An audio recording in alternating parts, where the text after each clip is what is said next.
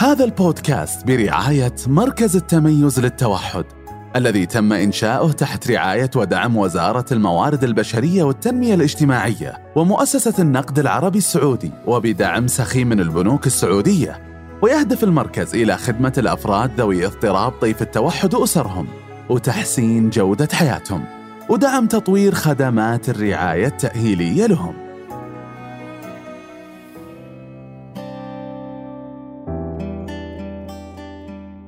مرحبا جميعا. حياكم الله مستمعي بودكاست دردشة التوحد. معكم الدكتورة رفيف السدراني مشرفة قسم التوعية والمحتوى في مركز التميز للتوحد. ضيفتنا لليوم الدكتورة إلهام الحفظي أستاذ مساعد طب الأطفال واستشارية طب وتطور الطفل. حياك الله دكتورة إلهام. أهلا وسهلا فيكم. آه، يسعدني جدا أني أكون معاكم اليوم. ويسعدني أني أشارك في أي حاجة آه، تساعدكم وتساعد أهالي الأطفال المصابين باضطراب التوحد. يعطيك العافية دكتورة. حنا سعيدين بتواجدك معنا اليوم ومتحمسين ندردش معك عن أهمية الكشف المبكر عن اضطراب طيف التوحد. دكتورة كثير نسمع والأهالي يسمعون والمجتمع ككل إنه لما تلاحظين إنه طفلك عنده تأخر في الكلام مثلا أو المهارات الاجتماعية مثلا مو قاعد يلعب مع إخوانه إذا عنده إخوان أو الأطفال اللي في نفس عمره فإنه ضروري ومهم تاخذين الطفل للكشف المبكر عن اضطراب طيف التوحد أه نبغى نعرف منك دكتورة أكثر ما هو الكشف المبكر؟ فعلا دكتورة هو من المهم جدا آه، إنه إذا الأهل شكوا في إنه الطفل عنده أي تأخر آه، سواء في المهارات اللغويه أو في مهارات التواصل الاجتماعي إنه يعرض على مختص. الكشف المبكر هو البحث والتقصي عن العلامات المبكرة للمرض. طبعا في أمراض واضطرابات كثير مهم جدا لها إنه نبحث عنها بشكل مبكر ونبدأ في علاجها قبل أن أن يتفشى آه، المرض. آه، وهذا ينطبق على الأمراض آه، الصحية، الأمراض النفسية، الاضطرابات النمائية. فمهم جدا إنه نعرف من البداية وننتبه من البداية إنه الطفل عنده علامات للتوحد ولا لا. تمام، طيب وش فائده الكشف المبكر هذا؟ الاكتشاف المبكر لأي مشكلة صحية آه، ومنها الاضطرابات النمائية آه، مهم جدا آه، إنه نعرف عنها من بدري. وهو من أهم ال ال الأشياء اللي نسويها للاطفال التوحد أو أي طفل عنده أي اضطرابات نمائية أو تأخر في التطور هو التدخل المبكر. كل ما تدخلنا مبكرا وسوينا التأهيل اللازم كل ما كانت النتائج بإذن الله أحسن. آه، التدخل المبكر يعتبر من أهم المؤشرات لاحتماليات التحسن في الاضطرابات النمائية وبالذات في التوحد. صحيح. طيب دكتورة الحين الكشف المبكر هو غير التشخيص؟ الكشف المبكر هو أنك تحاولين من خلال كل الأطفال اللي يجونك في العيادة آه، إنه تعرفين من عنده العلامات اللي تشكك إنه ممكن يكون عنده وبالتالي أيوة. يتحول لمختص أو أنت تجيبيه مرة ثانية في زيارة أطول آه، وتسوي له تشخيص آه، كامل وجلسة تشخيصية كاملة. فهذا الفرق بين الكشف المبكر والتشخيص. التشخيص يحتاج وقت أطول ويدخل في تفاصيل أكثر. الكشف المبكر زي تقصي آه، تشوفين علامات قد تدل وقد في الأخير يطلع أنه ما في حاجة يعني. أيوة. لكنه أيوة. هو أننا ننتبه من البداية أنه في حاجة قد تدل على وجود الاضطراب. تمام. آه طيب دكتورة نبغى نعرف وش أصغر عمر نقدر نسوي الكشف المبكر للطفل؟ شوفي هو في الحقيقة أنا دائما أقول إذا الأهل عندهم شك آه، في الطفل إنه في حاجة ما هي زي المعتاد أيوة. مهما كان عمره لازم يشوفه طبيب آه، أيوة. لازم يشوفه مختص آه، الآن بالنسبة للمقاييس المسحية هذا الكلمة العلمية لها يعني أيوة. نسوي اختبارات محددة عشان نكشف كشف مبكر ينصح فيها في عمر بالذات للتوحد طبعا في عمر 18 شهر اللي هو سنة ونص وعمر السنتين آه، بالنسبة للفحوصات المسحية للاضطرابات النمائية الأخرى أو تأخر النمو والتطور على من من عمر التسعة شهور يسو يعمل لهم اختبارات مسحية مقننة شوية. لكن في أي وقت الطفل الأهل شاكين في أنه عنده تأخر في الحركة تأخر في الكلام مرة مهم أنه يسألوا أحد مختص وعنده خبرة في الأطفال ومتابعتهم ومعرفة تطورهم. تمام. آه طيب دكتورة هو آه هل هو استبيان؟ نبغى نعرف كيف طريقته. آه هو في العادة في أي زيارة لعيادات الطفل السليم أو لعيادات التطعيمات العادية المفترض أنه الطبيب اللي يشوف الطفل سواء كان طبيب أطفال أو طبيب أسرة أنه يسأل بعض الأسئلة يعرف فيها هل الطفل وصل للأشياء اللي متوقع أنه يكون وصل لها في هذا العمر ولا لا. آه، سواء من ناحية الحركة أو من ناحية الكلام أو التواصل أو غيره. فهذه الأسئلة السريعة. الآن على عمر السنة ونص في مقاييس معروفة ومقننة في عدة مقاييس واحد من أكثرها شيوعا ال M-CHAT مثلا. أيوة. وفي ال ASQ في ال SCQ في يعني هذه أسماء أجنبية ولكنها يعني مخصصة للمقاييس مسحيه مخصصة للاضطرابات النمائية وللتوحد. فتعمل على سن 18 شهر في العيادة العادية عيادة الأطفال أو عيادة طب الأسرة. لما يجي الطفل ياخذ التطعيم يعطى زي الاستبانة ممكن الأهل يعبوها وإذا فيها أي أشياء آه، غير واضحة ولا إحنا شاكين فيها نرجع نسألهم بتفصيل أكثر فيها. وإذا حصل الرقم المعين في هذا الاستبيان آه، يصير احتمال عالي احتمال بسيط أو شيء زي كذا وبالتالي نتصرف بناء عليه. ممتاز. يعني هذا الاستبيان اللي هو الامشات آه، يعبون الأهالي وممكن الأخصائي بعدها آه، يقرأ يقرأ كيف عبوه الأهالي ويسأل بعض الأسئلة يستفسر أكثر. نعم هو ممكن إنه يعبونه الأهالي وممكن حتى بعض الناس يحبوا هم يسألوه عشان الأسئلة تكون واضحة على طول. آه بس يعني ممكن يتسوى بالطريقتين. حلو ممتاز. آه طيب دكتورة وش العلامات آه المبكرة المؤشرات إنه الأهالي ينتبهون لها عند طفلهم؟ في علامات كثيرة ممكن آه، تبان على الأطفال، إحنا نعرف إنه أطفالنا من عمر صغير يحبوا التفاعل الاجتماعي، يحبوا إنك تلعبيهم، يردوا عليك، يناغون إذا ناغيتي، يبتسمون إذا ابتسمتي، آه، ففي بعض العلامات قد تكون يعني واضحة من سن مرة مبكر، يعني مثلًا آه، إذا الطفل عمره ستة شهور وما يعطيكي إذا ابتسمتي له ولا ناغيتيه ما يضحك لك، ما يرد لك الابتسامة. ما عنده تواصل بصري ما يتابعك وأنت ماشية.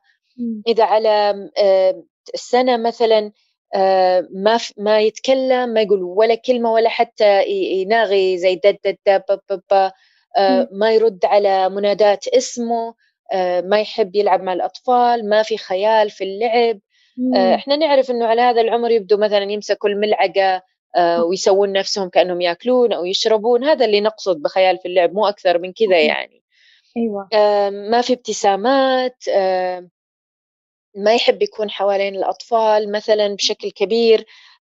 ما يتابع آه، على عمر مثلا سنة ونص آه، ما يتابع إصبعك كذا إذا أشرتي على حاجة تبغي توري له إياها. ما يوريك الأشياء عشان يشاركك الاهتمام. يعني أيوة. إذا يبغى يوريكي حاجة يوريكي حاجة عشان تساعديه فيها مثلا. بس ما يوريكي مثلا إذا شاف طيارة يوريكي إياها أو شيء زي كذا.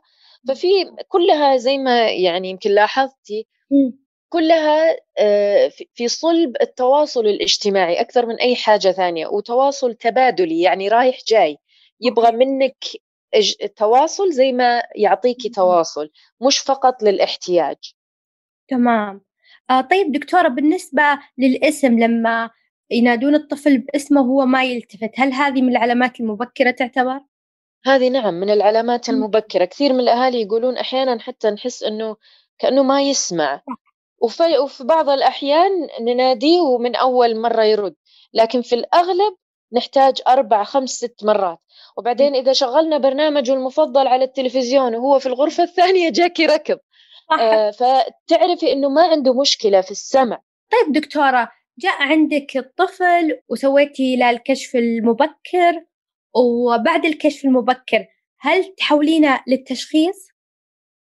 آه إذا كان جاكي طفل وكان احتمالية مع الكشف المبكر والمقاييس المسحية آه أنت شكيتي آه كان احتمالية أو الأهل لا زالوا مصرين أنهم غير متطمنين يعني آه أنه يبغوا تشخيص كامل فنعم يحول الطفل لطبيب مختص للتشخيص. في نفس الوقت إذا أنا لاحظت أنه الطفل عنده تأخر لغوي مثلا تأخر في الحركة مو بس أحوله للتشخيص أحوله مباشرة كمان لأخصائي التخاطب في نفس الوقت.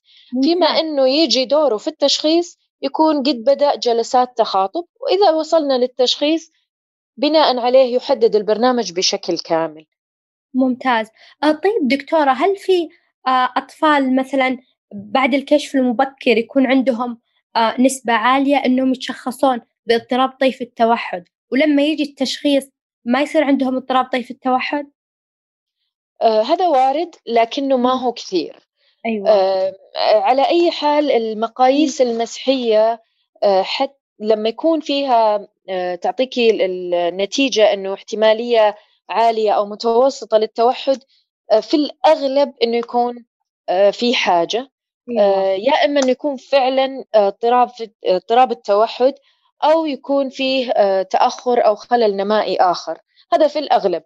هل يوجد حالات كان فيها الاستبيان المسحي إيجابي وطلع إنه الطفل ما عنده توحد ولا عنده مشاكل أخرى؟ نعم موجود زي هذا الشيء.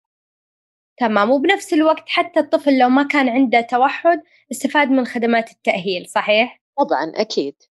طيب آه دكتورة في أحيانا نسمع من الأهالي إنه أنا طفلي آه تشخص باضطراب طيف التوحد آه، بس إني أنا مو واثقة بالتشخيص طفلي ما في توحد.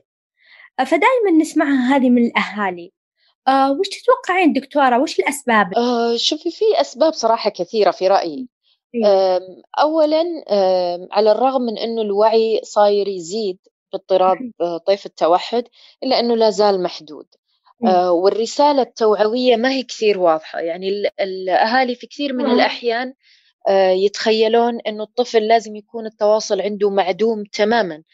آه، بينما هو لما يكون آه، حتى خلل في التواصل يعني إنه مش مناسب لعمره فهذا قد يكون من علامات التوحد. فاولا لابد أن يكون الوعي عالي عند الأهالي وعند المختصين كمان أو خليني أقول الأطباء الآخرين بإيش طيف التوحد وإيش هو مسمى طيف لأنه آه، مداه واسع.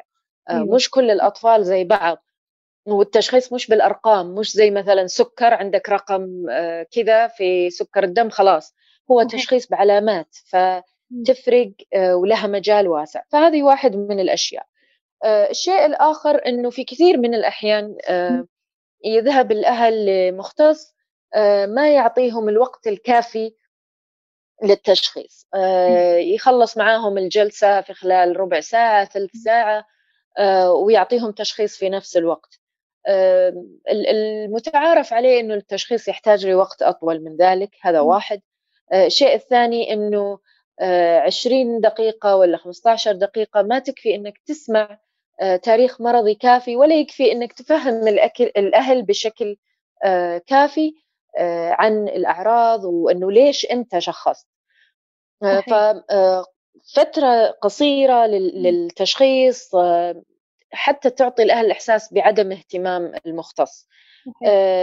الشيء الآخر إنه عدم في بعض الناس ما بيعرفوا كيف يوصلوا المعلومة أو بيوصلوها بشكل سريع وعاجل. إيه. من المهم جدا إنه لما أقول للأهل طفلكم عنده آه، المشكلة الفلانية إني أفهمهم هذه المشكلة أساسا إيش معناها. آه، لما أقول لهم عنده آه، سكر في الدم لازم يعرف إنه معناها السكر أعلى من الشيء الفلاني. صحيح. لما أقول عنده اضطراب التوحد لازم يعرف إنه اضطراب التوحد هو اضطراب نمائي يحصل في العمر الفلاني والخلل في هذا الجزء وفي هذا الجزء. وشفنا عند ابنك واحد اثنين ثلاثة تتوافق مع التشخيص. آه، أما إنه أعطيهم معلومات عامة وما أعلمهم أنا إيش شفت عند ابنهم بيقول لك طب انت ما شفتي عند ابني شيء أنا ماني شايف هذا الشيء. هو لأنه مو عارف إنه اللي شفناه هذا هو جزء من التوحد فقد ينكر آه، هذا الموضوع. آه، النقطة الأخيرة طبعا اللي كلنا كبشر نمر فيها إنه ما أحد يبغى يكون مصاب لا هو ولا أبنائه بالذات بأي مشكلة مزمنة أو طويلة الأمد. فيظل الإنكار حاجة معروفة في مراحل تقبل أي تشخيص مزمن. إذا توضحت في رأيي إذا توضحت الصورة بشكل جيد للأهل إنهم راح يمرون في فترة الإنكار هذه أو فترة تقبل التشخيص بشكل سلس وبشكل سهل إلى أن يرون معانا اللي إحنا شايفينه وبالتالي نمشي جميعا على مسار واضح وخطة واضحة للطفل. صحيح. آه واحيانا دكتورة بعد نسمع في موضوع الإنكار إنه أحيانا الإنكار يجي مثلا مو من الأم أو الأب مثلا من الجده أو الجد. آه طبعا هذا دافع حبهم للطفل. إنه مثلا لا توسوسين ما في شيء صح؟ مثلا حتى لو كان في تأخر في اللغة آه عادي شوفي مدري مين خالة ما كان آه يتكلم بعمر كذا والحين يتكلم. أحيانا هذا يأخر من من التشخيص ويزيد الإنكار. للأسف هذا الكلام جدا جدا صحيح. آه كثير من الأطفال خصوصا لما يكون أول طفل للأسرة آه يمشون على آراء الكبار وأنا ما أقول أن آراء الكبار خاطئة أبدا. آه ولكن آه أحيانا يكون الزيادة في التطمين مش كويس. يعني لازم نطمن لما يكون التطمين معقول. آه لما يكون عندي طفل عمره ثلاثة سنوات ما يقول ولا كلمة ولا يلعب مع الأطفال من غير المنطقي إني أطمن الأهل وأقول لهم ما في شيء راح يتكلم بعدين. آه فال آه الأهل دائما وأبدا لازم آه يعني يتابعون تطور طفلهم آه يعرفون إيش الأشياء المتوقعة في كل عمر. في حاجة كمان جدا مهمة أنه المفروض في زيارات الطفل السليم. أو زيارات التطعيمات. الأهل المفروض إنه يعرفوا من الطبيب إيش المتوقع إنه طفلهم يكتسب من مهارات إلى الزيارة القادمة بالذات الناس اللي عندهم أول طفل ولا ثاني طفل مش عارفين.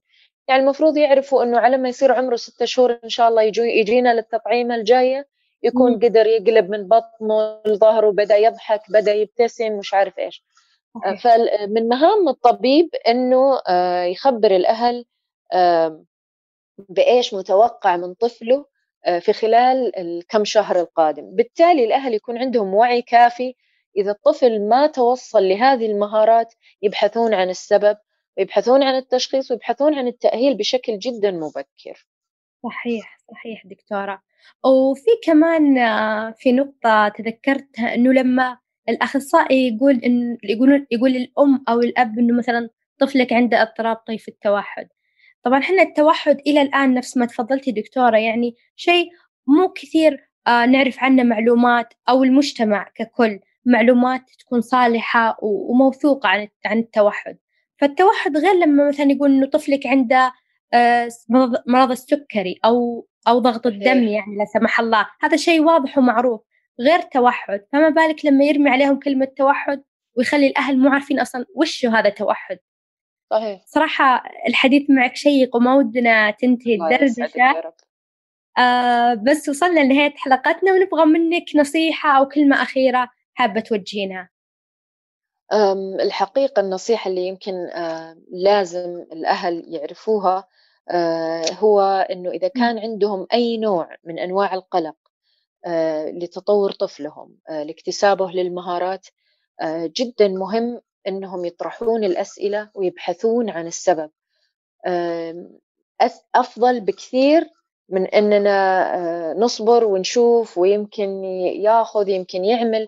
آه، جدا مهم إنه آه، في زيارتهم للطبيب أو حتى إنهم فعلا ياخذون موعد خاص لهذه الأسئلة واللي للاستيضاح ولفهم ليش هذه التأخرات حصلت لطفلي. كمان حاجة ثانية مهمة جدا إنه الآن ما شاء الله العلم كله متوفر على الإنترنت وسهل الوصول إليه. آه، من المهم كمان إنه الأهل آه، يتابعون إيش المهارات يقرؤون ويبحثون إيش المهارات اللي يوصل لها طفلهم في كل عمر. طبعا من مواقع آه، مضمونة. فهذه النصيحتين اللي آه، دائما آه، ننبه الأهل عليها. بس حسيتوا إنه في شيء من البداية وعلى طول روحوا دوروا عن السبب. إذا ما في ولا حاجة قال لكم الطبيب كل شيء تمام الحمد لله. إذا في شيء كل ما كان التدخل مبكر أكثر كل ما كانت النتائج بإذن الله المتوقعة أحسن. ممتاز. آه شكرا لك دكتورة إلهام. أو الحين وصلنا لنهاية حلقتنا لليوم. آه صراحة موضوع ممتع وشيق ومفيد. أعزائي المستمعين نشكر لكم متابعتكم وأتمنى تكونون استفدتم من الحلقة. وبإمكانكم مشاركة الحلقة مع الأشخاص المهتمين من حولكم. انتظرونا مع ضيوف مميزين في حلقاتنا القادمة. وفي أمان الله.